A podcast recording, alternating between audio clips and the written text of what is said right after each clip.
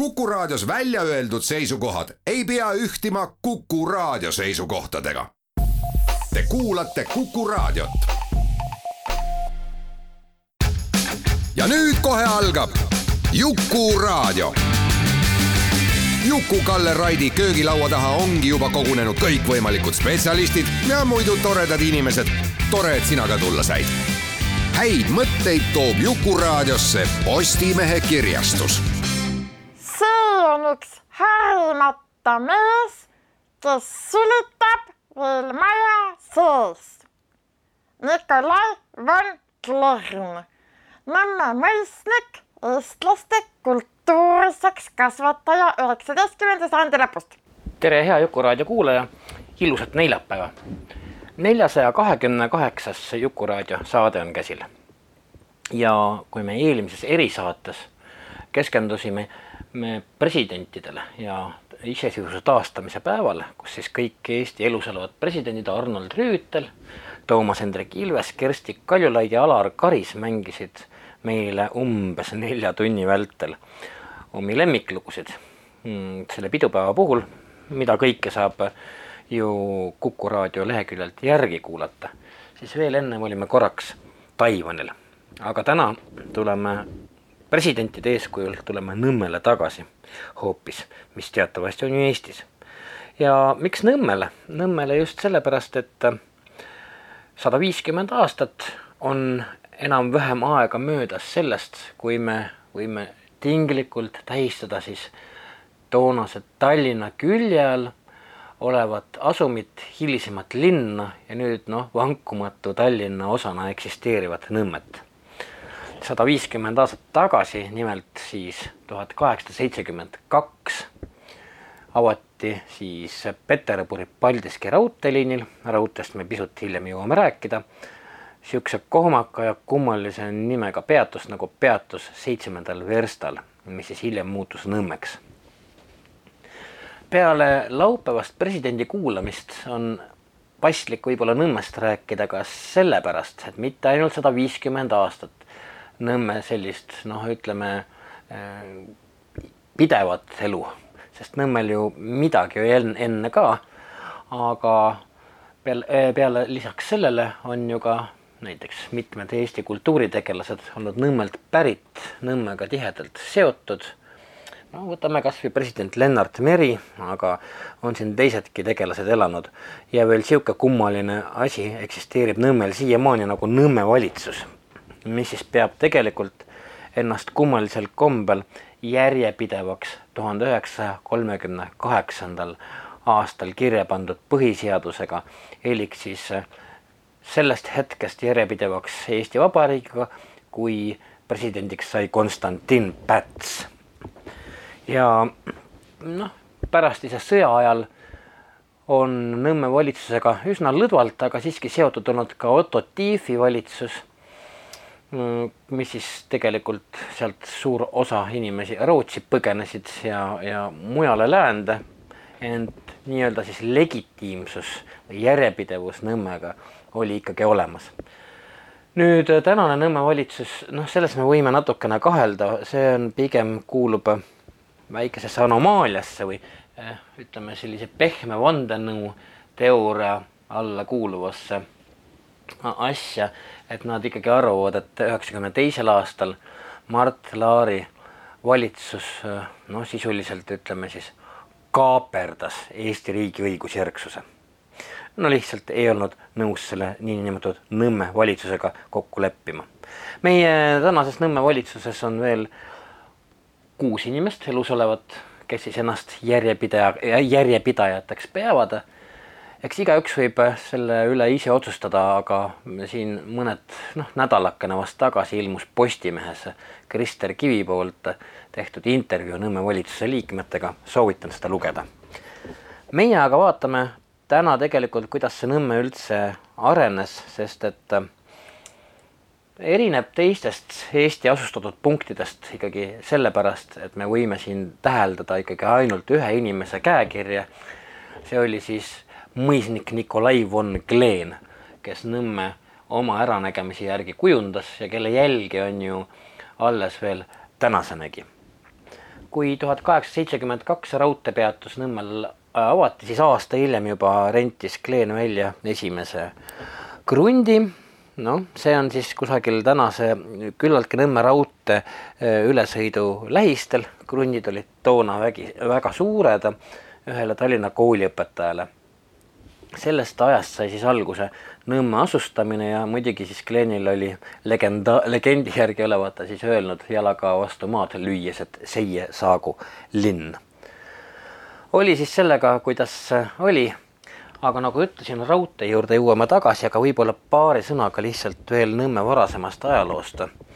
et lõppkokkuvõttes Ülemiste järvest ja Tallinnast ja Nõmme vahel, Nõmme vahelisel alal oli ikkagi küllaltki paks mets maantee Nõmmele, mida me täna Pärnu maanteena tunneme, see on alles üheksateistkümnenda sajandi päritolu tee ning metsa paksuse tõttu ja kuna äh, seal oli noh, ikkagi liivik, midagi ei kasvanud, inimesed seal oma talusid pidada ei saanud, lihtsalt polnud võimalik maastiku iseärasuste tõttu, siis oli see aastakümneid, aastakümneid ja kümneid meelispaik sellistele tegelastele nagu maanteeröövlid.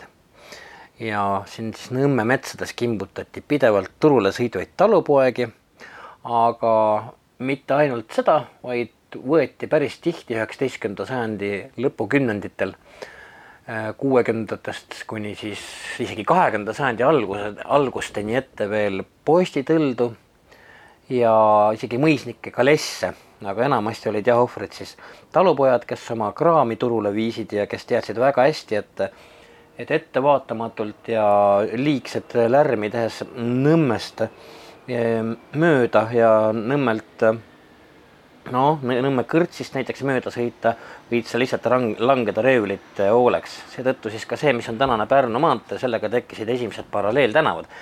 No need võisid joosta siis kusagil Põllu ja Sihi tänava juures ja need siis kõik kulgesid Pääsküla poole. Pääsküla muidugi on eh, juba kirjas Taani hindamise raamatus, see on siis kolmeteistkümnenda sajandi algukümnenditel ja ehkki näiteks Paul Rahna koduluurija on pannud kirja oma lapsepõlvest, mida ta mäletab umbes tuhande üheksasaja seitsmendast aastast, sellise äh, rahvasuus liiklenud legendi, et, et Pääsküla nimi tuleneda just sellest, et kui inimene suutis kuni Pääskülani tuhat nelja Tallinnast sõita ja pääses sellisel juhul nende maanteeröövlite käest, siis oli ta pääsenud. et sellest ka nimi Pääsküla no see on vast ikkagi liiga romantiline, sest lõppkokkuvõttes oli Pääsküla jõ jõel umbes vana silla juures, enam-vähem seal, kus on need Tallinnast väljasõidu kõrval bensujaamad vastaspool Vabaduse puiesteed, oli lihtsalt koolmekoht, kuhu hiljem ehitati sild. aga Nõmmet me teame mm, hilisemast ajast, seitsmeteistkümnenda sajandi lõpust, tuhat kaheksasada kuuskümmend, tuhat kuussada kaheksakümmend üheksa äh, välja antud Johann Holmbergi kaardilt, kus on siis kirjas niisugune asi nagu Mägedevahe kõrts. ja tõenäoliselt asus ta kusagil siis tänase Rahumäe surnuaia ja Nõmme kultuurimaja vahel. Aga sajandikene hiljem, tuhat seitsesada üheksakümmend kaheksa, on Mellini atlases juba konkreetselt mainitud Nõmme kõrtsi nii et mingi asustus oli ja muuhulgas oli siis ka siin Metsavahi maja kusagil tänase turu juures, aga üldiselt ei midagi muud. nüüd, kui raudteed ehitama hakata, siis peabki ütlema, et täna tahaks selles saates vaadata Nõmmet hoopistükkis mitte lihtsalt kui äh, ajalugu kokkuvõtva saatena või köögilauana, vaid katsume minna tagasi üheksateistkümnenda sajandi ajakirjandusse ja ka kahekümnenda sajandi alguse ajakirjandusse, kus siis sellest kõigest räägiti läbi otseste teadete elik uudiste. viimases Keskussis, Keskusi suvenumbris on sellest ka hästi pikk lugu, aga see ajalehtede virn Nõmme kohta käivate teadete päris paks ja väga huvitav virn sundis mind siis mõtlema, et ehk oleks tark ka mõned sellised Mm, teatet teile ette lugeda. sest lõppkokkuvõttes võime me to toonast Nõmmet käsitleda metsiku läänena.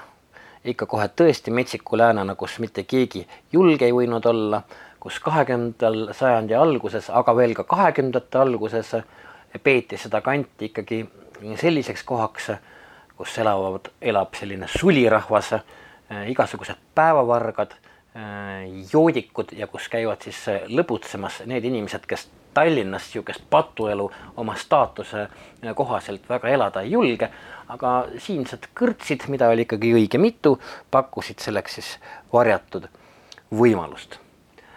aga raudtee, mis tõepoolest paiskas siis Nõmmele kõigepealt hästi palju mitte suvitajaid, vaid väljasõitjaid, kohe raudteeliini ehitamise aegu ja peatuse avamise aegu tuhat kaheksasada seitsekümmend kaks. Tähendas see seda, et siis mustadel mägedel või siis ka sinistel mägedel, Tallinnast paistsid need mäed sinised, see oli siis saksa, sakslaste kutsutud sinisteks mägedeks, eestlaste kutsutud mustadeks mägedeks, eriti et Kadaka külast, see on siis Mustamäe poolt, paistsid need mäed. Mustana, jäigi eesti keele varianti Mustamäe. Toimusid siis jah, sellised organiseeritud ja organiseerimata väljasõidud, eriti, eriti ilusate ilmade ja, ja mingite pühade korral, kui inimesed said oma vabrikutöölt, mis ikkagi oli umbes kaheteisttunnine päevas, said siis korraks minema. ja see pilt, mis toona avanes, see võis olla ikkagi üsnagi masendav. et kui me kujutame ette tänast hea korrastatud, küllaltki hea korrastatud Nõmmet nojah, juhtub aeg-ajalt, et mingi stabiilne geenius tahab kuskil Mustamäe metsas ära asfalteerida äh, jalutusteed või ma ei tea, hakata raja, rada, rajama asfaldist jooksuradu, siis toonane pilt oli ikkagi märksa hullem. Et siia võis kanduda Nõmmele korraga üle kümne tuhande inimese päevas, kes ennast kõik lootustult täis jõid. see oli legendaarne kakelungide pidamise paik, arvete klattimise paik, ja pussitamist ja kõige muu sellise paik oli ka loomulikult tulistamist ja kõike seda. ent nagu jah, et äh, tähistame ikkagi siis seda algust sada viiskümmend aastat tagasi ehitatud raudteest. Ja minul sattus ka kord ette Pärnu Postimees või õigemini toona Perno Postimehe esimene number, mis ilmus tuhande kaheksasaja viiekümne seitsmenda aasta suvel ja selles kirjutatakse siis raudteest ähm, kuidagi no äh, äärmiselt äh, pühalikult. see on siis niisugune äh, kiri, ma tsiteerin. Oleme ju mõnda korda kuulnud, et raudteesid maa peal peab olema, kelle peale auruvankriga sõidetakse, ei hoost ega härga eest. ei tea, kas see ka tõsi peaks olema. tõsi, tõsi küll, terve tõsi. Saksa, Prantsuse ja Inglismaal on neid juba tuhat penikoorma kaupa valmis. ka meie Venemaal on Peterburgist Moskva linna seitsesada versta raudteed, mis ühe öö ja päevaga lahkesti ära sõidetakse. Et lugejad raudteest ja auruvankrist paremini aru, aru saaks, paneme siia ühe pildi juurde, kus seal üks aurumasin sõites näha on.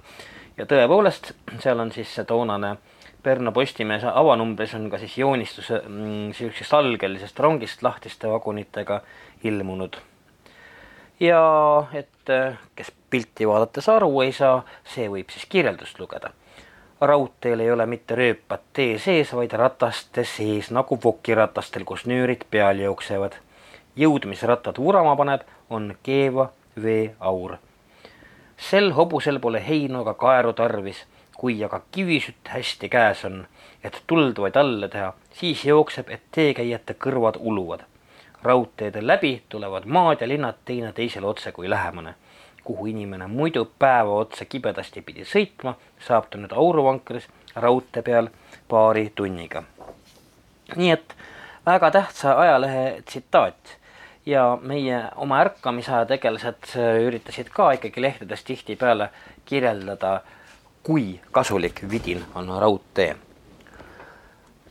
Tallinn-Paldiski raudtee sai siis valmis tuhat kaheksasada seitsekümmend, nagu mainitud, ja selle raudtee algpunkti hakati lugema Paldiskist, Paldiskist Tallinna poole ja Tallinnast siis läbi Katšina Peterburi poole.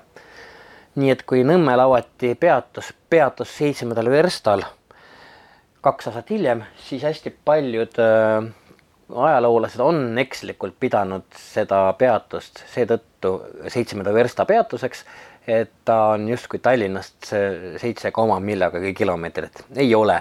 et Nõmme kaugus tegelikult pidi arvutatama Paldiskist, aga et ka mööda siis üheksateistkümnendal sajandil äh, rajatud ja tänastki Pärnu maanteed ongi äh, Tallinnast Nõmmele umbes seitse kilomeetrit, siis see peatus ka nii tehti.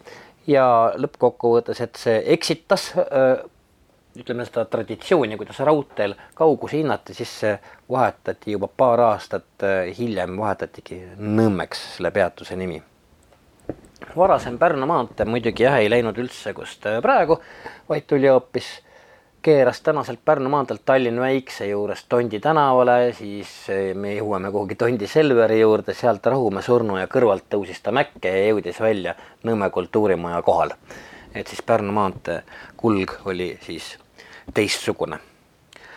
aga me võime kindlasti öelda, et raudtee põhjustas erakorraliselt huvi just Sinimägede vastu ja võib-olla oleks siin paslik kohe siis sukelduda, nagu ma juba lubasin, vanematesse ajalehtedesse ja kuulata siis noh, täiesti muutumata keelel, mille moel siis seda Nõmmet toona ka kirjeldati. näiteks kaheksateistkümnenda mai eh, ristirahva pühapäevaleht, see kaheksateistkümnes mai oli tuhat kaheksasada kaheksakümmend, nii et siis sada nelikümmend kaks aastat tagasi, on siis kirja pandud, kuidas austud väljasõitjatele teaduseks, et Nõmme raudtee seisukoha platvormi ligedale üks vürtskaubapood on asutud, kus mitmesugu head ja värsket toidukraami, selteri vett, limonaadi, kompvekid ja muud maiuse asjad ja ka tubakad, sigarid ja papirossid odava hinnaga müüakse. ja siis edasi järgneb sõiduhindade äh, üleslugemine, muuseas äh, hind võis lihtsalt Nõmmele sõidu eest, kuhu sõitis ikkagi sellel ajal ainult üks rong päevas, ulatuda umbes viiendiku kuni neljandikuni äh, tavalise töölise päevapalgast nii et see ei olnud mitte äh, odav lõbu. Aga samas äh, kirjutatakse samas ristirahva pühapäevalehes, et pühapäevadel, suurel ristipäeval, nelipühi esimesel ja teisel pühal ja jaanipäeval on aga ise rongid väljasõitjate jaoks seatud, nii et ühesõnaga võis sellist huvirongi üürida. et äh, mis ta siis läheb, siit välja tuhat kaheksasada kaheksakümmend väljus sihuke huvirong Nõmme poole. Äh, üksteist, mis ta on, läheb linnast kolmkümmend seitse minutit kella kaheteistkümne peal välja, see on siis üksteist kolmkümmend seitse ja tuleb äh, Nõmmelt tagasi nelikümmend viis minutit kella kaheksa peal elik kolmveerand üheksa. nii et päev otsa võis Nõmmel täiesti rahulikult laamendada. küll me jõuame kohe ka selleni, sellepärast et äh, Nõmme selline äh, noh, ütleme küllaltki röövlirikas ja ja kuritegevuse rikas elu leidis kajastust õige paljudes, mitte ainult Tallinna lehtedes, aga lõppkokkuvõttes ka üle Eesti, eestilistes lehtedes, ka Tartus, Pärnus, kõikjal mujal, sest äh, siin toimusid küllaltki jaburad seiklused. aga kui me nüüd äh, korraks vaatame seitsmenda detsembri ristirahva pühapäevalehte aastast tuhat kaheksasada kaheksakümmend, siis ma loen ette ühe üsna tüüpilise lühiteate, mida võis siis noh, korra paari nädala jooksul Eesti meedias, Eesti meedias kindlasti lugeda, et see ei olnud mingi haruldus.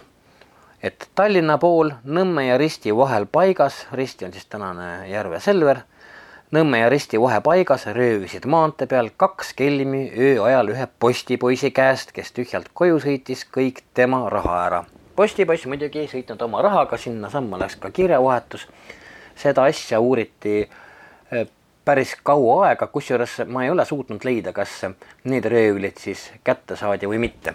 tihtipeale muuseas ei saadudki, sest äh, Nõmmel oli päris hea pakku panna igasuguste kordnike eest ja teine asi oli ju ka see, et lõppkokkuvõttes seni, kuni politseimeister kusagilt Tallinnast teate sai, et toona selline asi toime on pandud, selle aja peal olid muidugi röövijad juba kus kurat jõudnud. aga öö, vaatame Päevalehte kahekümne kolmandast jaanuarist tuhat kaheksasada kaheksakümmend kolm, sellesama meie armsa, tänaseks nii toreda, väikekodanliku ja puhta Nõmme kohta. ja me võime sealt lugeda. Teisipäeva õhtu, üheteistkümnendal mail selle kuupäeval varastati Pärnu maantee peal Nõmme kõrtsu ees ära üks pleekjas punane kümneaastane paks ruun, kõige Soome saaniga tükis. hobuse pikki selga jookseb must joon parem silmamuna on valge, pitk kissas auk punase ja valge karvadega segatud on otsa ees. Kes sest vargusest selget tunnistust võib anda, ehk hobust Tallinna kaupmehe huulitsasse number sada viiskümmend üheksa tuua võib, saab head vaeva palka. nii et täiesti tüüpilised lood, võtame veel ühe sellise eh, ütleme nagu ilukirjandust juba meenutava teate, see on siis Pärnu Postimees ehk nädalileht, nii et hoopistükkis Pärnust tuleb, mitte Tallinnasse teade, tuhande kaheksasaja kaheksakümne viienda aasta kaheksandast novembrist. Kusjuures teade on siis sündmusest ligi kuu aega hiljem avaldatud, nii et see annab meile ju ka siis toonasest ütleme, operatiivkiirusest nii ajakirjanduse kui ka kordnikute puhul märku aga viinakuu heliks siis seitsmenda oktoobri õhtul olla röövlid Tallinnast Pärnu sõitjad kirja ja rahaposti tahtnud Nõmme kõrtsi lähedal paljaks varastada. kurjategijad olla, et öö pime olnud, köie üle tee kahe puu vahele kinnistanud, et hobused komistaksivad, mida nemad siis omaks tallituseks oleksivat tarvitanud. hobused olla aga nii suure kiirusega jooksnud, et puud, mille külge käus seotud, ühes juuredega üles tõmmatud sel samal silmapilgul kuuldud lähedalt metsast kaht püssipauku, mis postipoissi kergest palgest ja käest haavanud. kaks postipoissi, kes tühjalt Tallinnasse tagasi sõitnud, läinud neile appi ja lasknud röövlite peale, aga et väga pime olnud, ei olla see midagi mõjunud. et neid postipoisse nüüd neli meest koos olnud, ei ole julgenud röövlad enam nende peale tulla, vaid kadunud pimedasse ära. postil on võtnud köie mis üle maantee tõmmatud kaasa ja viinud Tallinna politseisse. ülempolitsei, ülempolitseimeister olla hoolega hakanud järele uurima ja otsima esiteks selle kaupmehe Tartu maantee äärest leidnud, kelle käest köis ostetud olnud. kaupmees mäletanud ostjat iseäralistest märkidest pükste küljes ära. nõnda olnud Pärnu maantee ääres majaperemehe pojad Jüri ja Jaan Veinberg kui kaks nendest röövritest ära tuntud ja kinni pandud ka püss on nende luures leitud, kus üks raud veel kodu tehtud rentkuulidega laetud ja rauas ka liiva oli, mis põgenemises kuidagiviisi sisse sattunud oli. vennad salgavad küll, aga tunnistused nende vasta olla väga rasked, sest neid olla ka sel ajal Nõmmel ümberkaudu nähtud. Nõmmel toona oli asustus jaotatud enam-vähem kolme erinevasse tsooni kui kirjeldatud tuhande kaheksasaja kaheksakümne viienda aasta pahandus juhtus.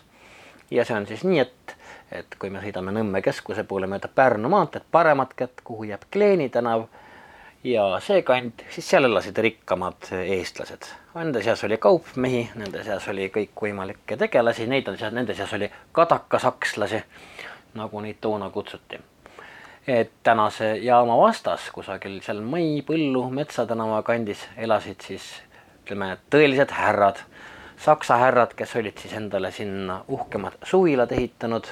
Neist nii mõnedki on alles päris vingete verandadega. Neid saab jalutades ikkagi päris mitmeid veel vaadata ja need siis vastandusid, vastandasid ennast väga kõvasti siis Kleeni lossi lähistel elanud äh, Äh, vaestele eestlastele, kes siis mitte ei käinud seal suvitamas sellel Nõmmel, vaid elasid aasta ringi.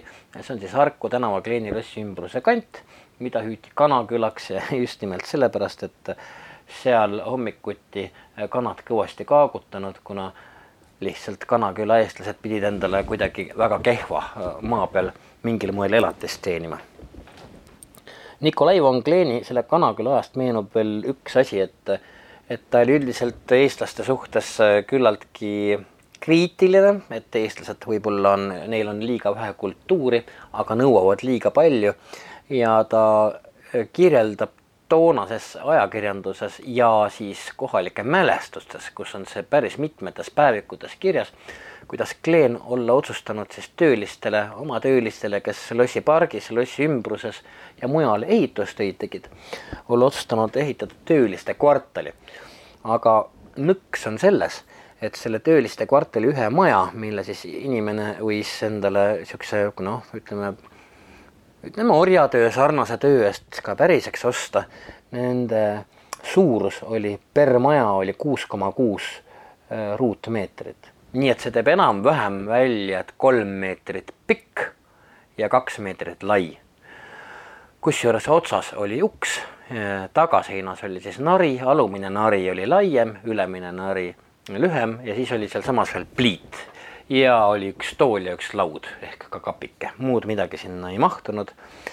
Kleen oli vihane, et eestlased väga vaimustuses sellest nii-öelda majast ei olnud, mida nad endale siis lubada võinuksid. ja teatas jah, et eestlased liiga suurelised olla. muuseas, seda naride süsteemi põhjendab Kleen kunagi ühes lehes jälle nii, ma nüüd tsiteerin, et e, eestlased ju peaksid teadma, et kui pärast rasket tööd vanemad tahavad magada ja lapsed ülemisele narile tõstavad, mis on kitsam ja lühem siis kui laps öösel vähkleb, kukub ta otse emale peale, mitte põrandale ja siis ema võib tema ütleme õnnetuse, on siis midagi püksi tulnud või, või ka muud, võib ära lahendada ja ta nari peale tagasi tõsta. vot siis selline lugu saja viiekümne aastasest Nõmmest, millest me täna siis räägime seoses Nõmme peatuse avamisega tuhat kaheksasada seitsekümmend kaks. me teeme pausi ja kondame mööda toonast ajakirjandust tänase päeva poole ja jõuamegi vast võib-olla aastasse tuhat üheksasada kümme ja võib-olla no ehk tuhat üheksasada kakskümmend, kui ikkagi Nõmmel hakkasid asjad enam-vähem vinksi-vunksi minema ning kõik see enam nii väga metsikut läänt ei meenutanud. oleme kohe tagasi. Te olete Kuku raadio lainel ja kuulate Jukuraadiot. häid mõtteid toob Jukuraadiosse Postimehe kirjastus jätkame Jukuraadio neljasaja kahekümne kaheksandat saadet ja songime umbes saja kümne, saja kahekümne, mõneti isegi saja neljakümne aasta vanuses ajakirjanduses, et teada, mil moel elu toona käis. ja miks me seda just täna teeme, sest just sada viiskümmend aastat tagasi suvel sai siis avatud Nõmme jaam, mis Nõmmele elu sisse puhus ja täiesti kindlasti tänu millele siis Nõmme piisavalt suureks kasvas, et ta võis ka tänast ilmet omandada. ma jõudsin esimeses pooles pajatada, et jah, et alguses oli ronge ainult üks, kõigepealt ei olnudki Nõmmel peatust, see sõitis siis Paldiskisse ja Paldiskist tagasi, Paldiski sõitis hommikul, Paldiskist tagasi õhtul.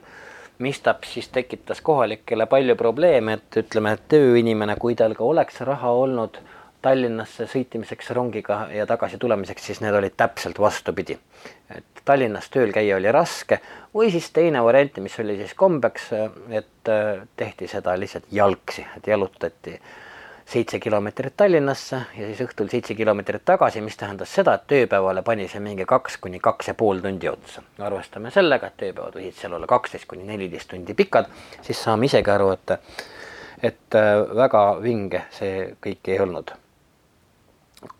ja e, me jõuame jälle siinsamas Nõmmel ütleme esimeste asustatud punktide elik kõrtside juurde, sest pole midagi parata, Nõmmel on aegade jooksul, eriti algusaegade jooksul elu ümber kõrtside keerelnud. nii et kui ma siin eelmine plokk lugesin ette mõned teated, kuidas siis toonane ajakirjandus kirjeldab elavalt kuidas korraks, ainult korraks kõrtsi läinud tüübil on ära varastatud saan ja hobus, hobune ja siis äh, siin tuhat kaheksasada kaheksakümmend seitse on niisugune juhtum, et võin siin kohe tsiteerida, kuidas siis äh, röövlid talumehelt selle hobuse niimoodi ära varastanud, lükkasid talumehelt, talumehe reelt maha ja panid ajama aga kuna talumehel oli heinte, siis peitnud tema laps, mingi poisike, kes siis pea välja pissis hirmsal kombel lõugama hakkas, siis hüppasid röövlid maha ja, ja sedapuhku sai talumees oma, oma hobuse koos vankri ja lapsega kätte. Need olid väga sagedased juhtumid, väga sagedased juhtumid. Ja need kõrts, kõrtside kirjeldused muidugi on, noh, me võime ette kujutada, et midagi peent siin ei olnud. Et kuna nad olid mööduvatele talupoegadele ikkagi mõeldud, et sellised peenemad kõrtsid, kus siis käisid kõikvõimalikud saksad, need tekkisid ikkagi päris üheksateistkümnenda sajandi lõpul ehk kahekümnenda sajandi algul, kus siis muidugi hinnaklass oli siis selline, et et eestlasel seal küll suurt midagi teha ei olnud ja jälle Paul Rahno oma mälestuste raamatus Väike Andi Nõmmel, kus ta siis ise samastub ennast selle väikese Andiga, kirjeldab ta äh, Nõmme keskuses umbes tänase noh, või, või endise kinovõit tänase Kleeni teatri kohal olnud niisugust peent puitrestorani, kus siis mängitud, saksad mänginud kõikvõimalikke mänge, näiteks nagu mingi kurn ja, ja keegel, siis tema teenis oma esimesed kopikad just keegli neid kurikaid üles korjates seal aga üldiselt oli Nõmme kõrtsid siuksed äh, räpased ja ohtlikud kohad ja võib-olla annab sellest äh, aimu, äh, kui kõrged olid nõudmised toonasele kõrtsitöötajale. üks kuulutus, mille avastasin Postimehest, mis on siis trükitud kümnendal augustil tuhat kaheksasada üheksakümmend kolm. ja kuulutus on väga lakooniline. kuulutus tubli köögitüdruk, kes pisut keeta mõistab, võib kohe kohta saada Tallinna lähedal Nõmme restaurantis. nii et kui pisut keeta öö, mõistsid, siis loomulikult võid sa ju siis öö, kohe selle koha saada. Aga tagasi korraks raudtee juurde, et Nõmme põhiliseks nuhtluseks lisaks tulekahjudele muidugi, sest väga kuiv kliima, liivik kunagised liivaluitjad, Nõmme asus ju kunagi peale jääaega mere kaldal, see, mida me teame vanakana, see oligi konkreetselt merekallas, mis loksus siis kusagil Nõmme turu juures praegu. seal ju, seal midagi loomulikult mingi veega eh, kiita ei olnud, et vett võis kätte saada koguni alles kahekümne meetristest kaevudest. tõsi küll, oli ka madalamaid kohti, näiteks Kivimäe, tänase Kivimäe juures, aga üldiselt oli kaevu ehitamine Nõmmes vägagi ohtlik töö ja, ka toonane ajakirjandus, üheksateistkümnenda sajandi lõpp, kahekümnenda sajandi algus, kirjeldab ohtralt juhtumeid, kuidas siis kaevukaevajad äh, lihtsalt liiva alla jäid.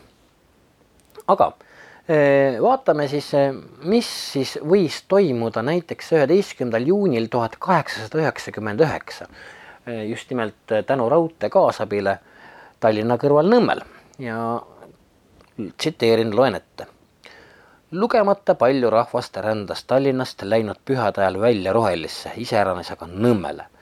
Nõmme oma kuiva liiva ja männimetsaga ei ole mitte just kõige ilusam Tallinna ümberkaudses, kuid ta tõmbab sest sääl on paar ruumikat joomamaja, kus süüa kui ka juua saab, kena männimets ja mäed, all orus isegi paar lehtpuud. Ja mõned lillekesed. pääasjad aga, mis tallinlasi nii väga Nõmmele meelitavad, on odavamaks muutuv sõit raudteel ja täieline vabadus metsas sääl istuda ja aeleda ja kakelda, kus süda kutsub nii oli siis ka tung nimelt esimesel pühal Nõmmele nii suur, et raudtee nii palju vedada ei suutnud, kui tahtjaid oli. raudteega üksi on täheldatud päeval üksteist tuhat inimest Nõmmele sõitnud, arvamata veel kaasas olevad lapsed ja need, kes jala läksivad või hobusega sõitsivad. Nõmme mets oli siis ka inimesi täis kui sääska, kes jookstes, juttu ajades ja nalja tehes vaba metsaelu mõitsesivad nii et enam-vähem niisugune kirjeldus ja loomulikult äh, räägitakse alkoholi liigtarvitamisest ja see on ka äärmiselt noh, ütleme igapäevane, kui neid Nõmmele, Nõmmele väljasõite tegevaid inimesi üldse silmas peetakse. üks omapärasemaid kirjeldusi, mille ma olen siis avastanud, mis on ikka noh, kui nüüd, mida on lugeda naljakas ja ette kujutada on filmilik eh, võib-olla seal ise kohal olla nii naljakas poleks olnud. aga vaatame, mida kirjutab Postimees kahekümne kaheksandal mail tuhande üheksasaja kolmandal aastal. taevataat on nelipühi esimeseks päevadeks pisut jaheda, kuid siiski ilusa ilma kinkinud. lindlane saabub raudtee Vaksali poole, et kuhugi linna ümbrusesse välja sõita. pealesuunas, pealelõunase rongiga sõidame Nõmmele kaasa juba saame pisut teisema pildi kui hommikul Balti Vaksalis. vagonistes kostab elav jutuajamine, vahetevahel lendavad sõidu ajal vaguni akendest monopolipudelid välja. jõuame Nõmmele. rong on veidi seisnud, kui korraga vaguni aken lahti kisutakse ja sandarmi kutsutakse tüli lahutama. üks Nõmme sandarmidest jookseb vagunisse ja tahab tülitsejad välja tuua. sel ajal aga kõlab kell, rong veereb minema, tülitsejad ja tülilahutajad enesega kaasa viies. platvormist natukene eemal juba kuuled lolli joodikute läljutamist ja silmad nende taaruvat käiku. sealsamas kõrval pehme hall ja rohupäel lamab terve rida joobunuid. Nad on oma päevatöö ausasti ära teinud ja puhkavad nüüd õiglase und. vaheajal toodakse Sandarmile teade, et metsas inimesed nugadega raskesti haavatud olla. Sandarm kehitab õlgasid. Umbes poole tunni pärast sõidame linna tagasi. nüüd saab haavatuid juba näha kaheksateistaastane noormees, Lutteri vabriku tööline, lamab meelemõistuseta olekus vaguni põrandal. seljas on tal kaks sügavat haava, reies üks. ta joobunud saatjad vannuvad haavajale, keda nad tunnevad, verist kättemaksmist. nii, ja siis see lugu lõpeb äh, sellisena, et, et hiljem kuuleme, et kolm haavatud meie rongist oma haavadesse surnud olla. nii et äh, siis niisugune pilt ja leidub äh, ka moraali lugemist, Päevaleht kirjutab, et mismoodi pakkuda siis lahendust Nõmmel leiduvale bardakile. ja siis ilmub selline teatekene, et otse kentsakas on vaadata, see on ka aasta tuhat üheksasada kolm, otse kentsakas on vaadata, kuidas meie juures eksiteed käiakse rahvas jõi Nõmmel viina ja õlut, selle tarvis on tal omad joomakohad, kuid see ei ole koguni hea, et rahvas nii joob. sellepärast asutame joomakohtade asemel teemajad ja rahvas hakkab teed jooma, mille järele tal küll seni tarvidust ei olnud. see on lihtsalt ilma parandamine nõiakepi näite järele. imestada tuleb, et veel kaugemale ei minda, iga joomakoha asemel oleks vaja külma veekaev asutada ja kõik oleks korraga nii ilus, rahuline ja armas. nii et niisugune väike irooniline eh, moraali lugemine. Nõmmest on noil aastatel kirjutanud eh, päris mitmed eh, tuntud Eesti kirjamehed, Gert Helbemäe, Eduard Vilde ja nii edasi.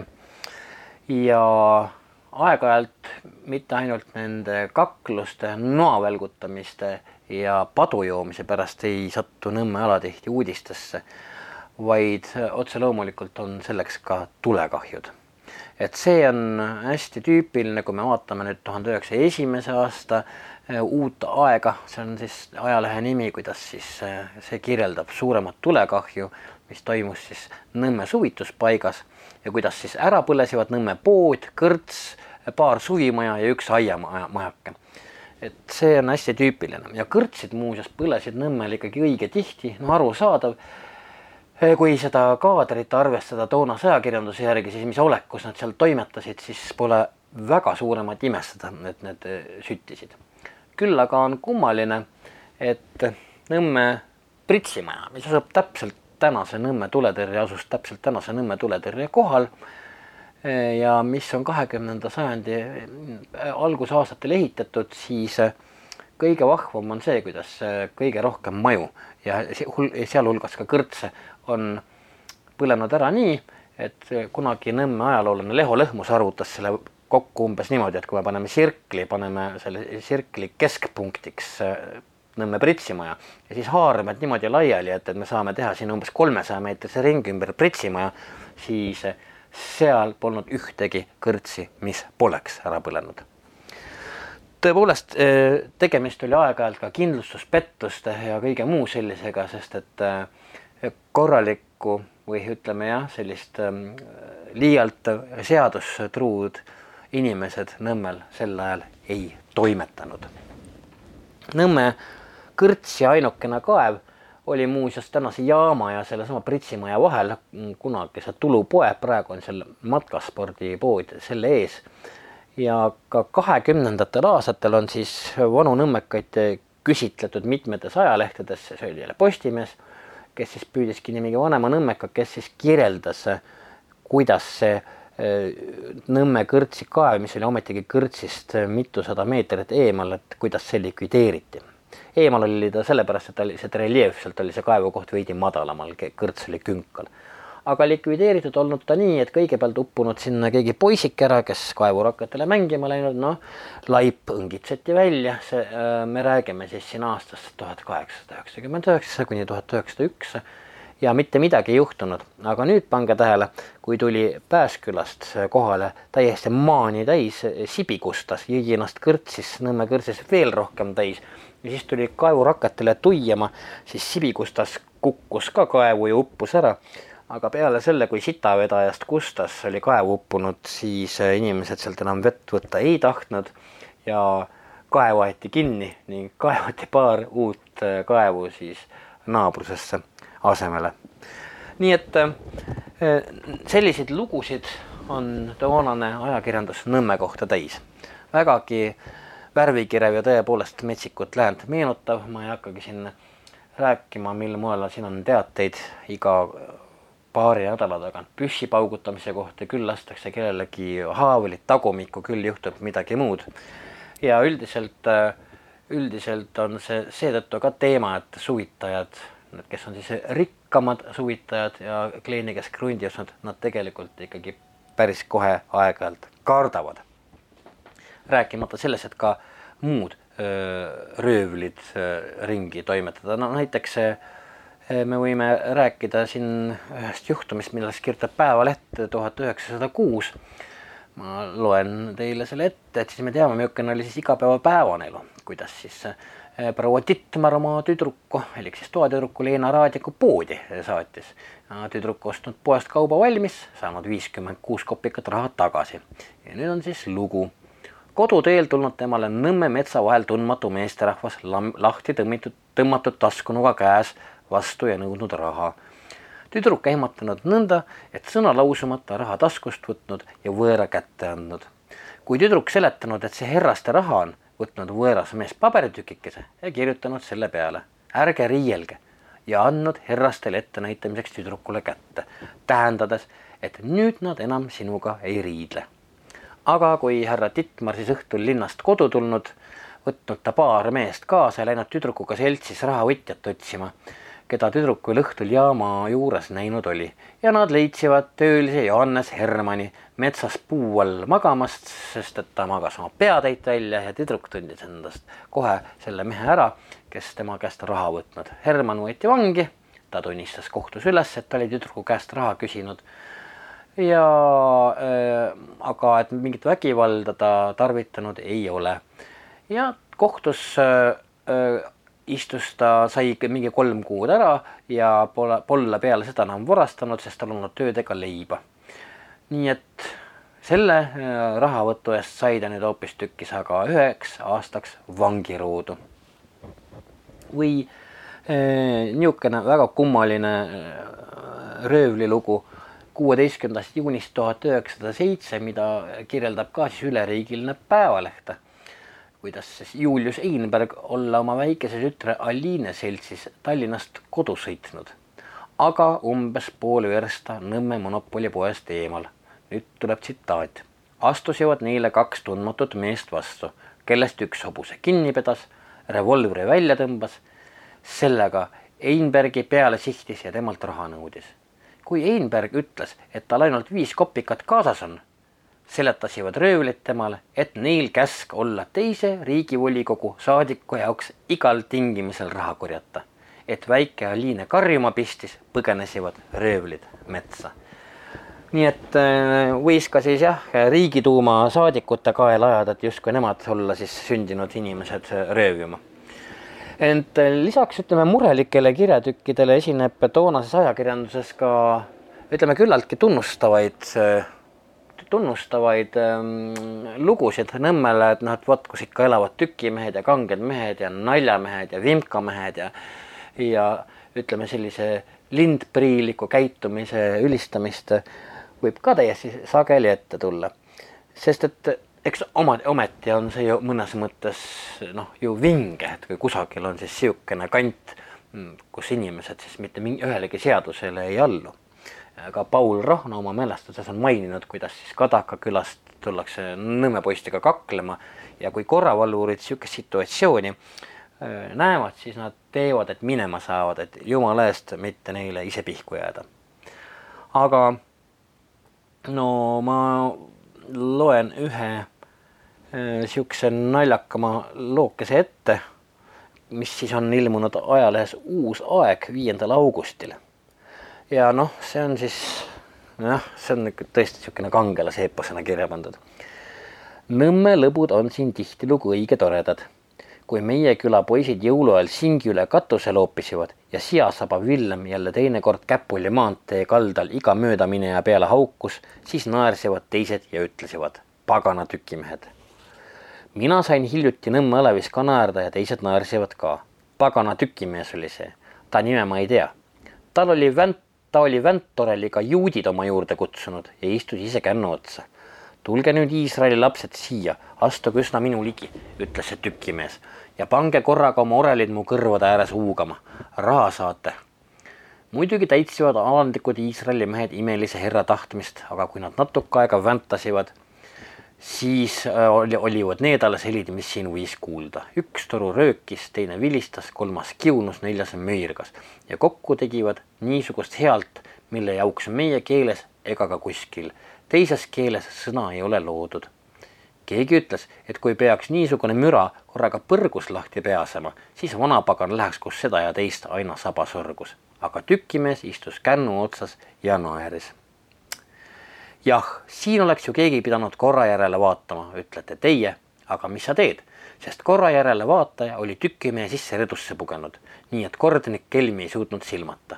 nõnda see asi oli ja kes seda ei taha lugeda, jätku vahele. nii kirjutab Uus Aeg, ajaleht viiendast augustit, augustist tuhat üheksasada neli Nõmme lõbusa elu kohta. lõbust on tõesti äh, aastate-kümnete vältel ei muutunud tegelikult uudiste iseloom peaaegu üldse. täna tuntud Nõmme või ütleme siis Nõmme, milliseks ta täna sai, see võttis ikka õige kõvasti aega. et see ei juhtunud sada viiskümmend aastat tagasi, kui avati Nõmme raudteepeatus, mis meile tänaseks köögilauaks ainest andis, vaid siis ikkagi jah, kolmekümnendatel, isegi kolmekümnendate teisel poolel võib-olla, kui siis enam-vähem Nõmme hakkas võtma sellist rahulikumat ilmet. enne seda veel kahekümnendatel olid kõik lehed täis täiesti kummalisi politseiteateid, millest äh, noh, naljakamad teatavad meile, kuidas näiteks noh, võtame siit kolme, kahekümne kaheksanda aasta teataja, mis kirjeldab, kuidas äh, Konstantin Essilt Metsa tänavalt, kui ta hommikul üles ärkas peale pummelungi lähemate naabritega ja avastas, et äh, kadunud on tema priimus ja nüüd ta palub priimuse politseil üles otsida ja priimus väidab siis äh, äh, kannataja olla eemaldatud tema korterist nii, et keegi olla õhuaknast sisse roninud, sellepärast et kõik muud välja ja sissepääsud olid kinni. nii et õhuaknast ronis siis keegi sisse ja varastas kannataja Konstantinilt ära priimuse. vot selline oli meie lühikene vaade, lihtsalt pisikene tagasivaade sellele, kui kiiresti ja kõvasti võivad muutuda ajad. ja tänase Nõmme puhul noh, on seda üsna raske ju mõelda või kuvandada, milline metsik elu seal kunagi siis toimis. saateks andis meile ajendi see, et sada viiskümmend aastat tagasi avati Nõmmel raudteepeatus Paldiski Peterburi raudtee peal siis, mis, millel oli vahepeatus Tallinnas Pole üldse välistatud, et me teeme ühe Nõmme saate veel ja ma meelitan siia köögilauda siis ka Leho Lõhmuse, sest lõppkokkuvõttes, kui me, kui me keskendume sellele Nõmme huvitavale, eripärasele ja väga kentsakale mikroajaloole, siis me võime filmilikku rääkida siit veel ja veel, alates valeraha trükkimisest, lõpetades pornograafia suuräride ja kõik võimaliku muu sellisega nii et ähm, ehk teemegi järgmine nädal ära. aga see oli neljasaja kahekümne kaheksas Juku-raadio, mis viis teid korraks rongiga sada viiskümmend aastat tagasi Nõmme jaama ja me vaatasime ringi, mis elu elati Tallinna kõrval. olge mõnusad ja kuuleme, kuulmiseni jälle kindlasti järgmine nädal. kes murdis oksa, mine sa tea, oli see koer või Teinapea, Nikolai von Gleem, Nõmme mõisnik, eestlaste kultuuriseks kasvataja üheksateistkümnenda sajandi lõpust. häid mõtteid toob Jukuraadiosse Postimehe kirjastus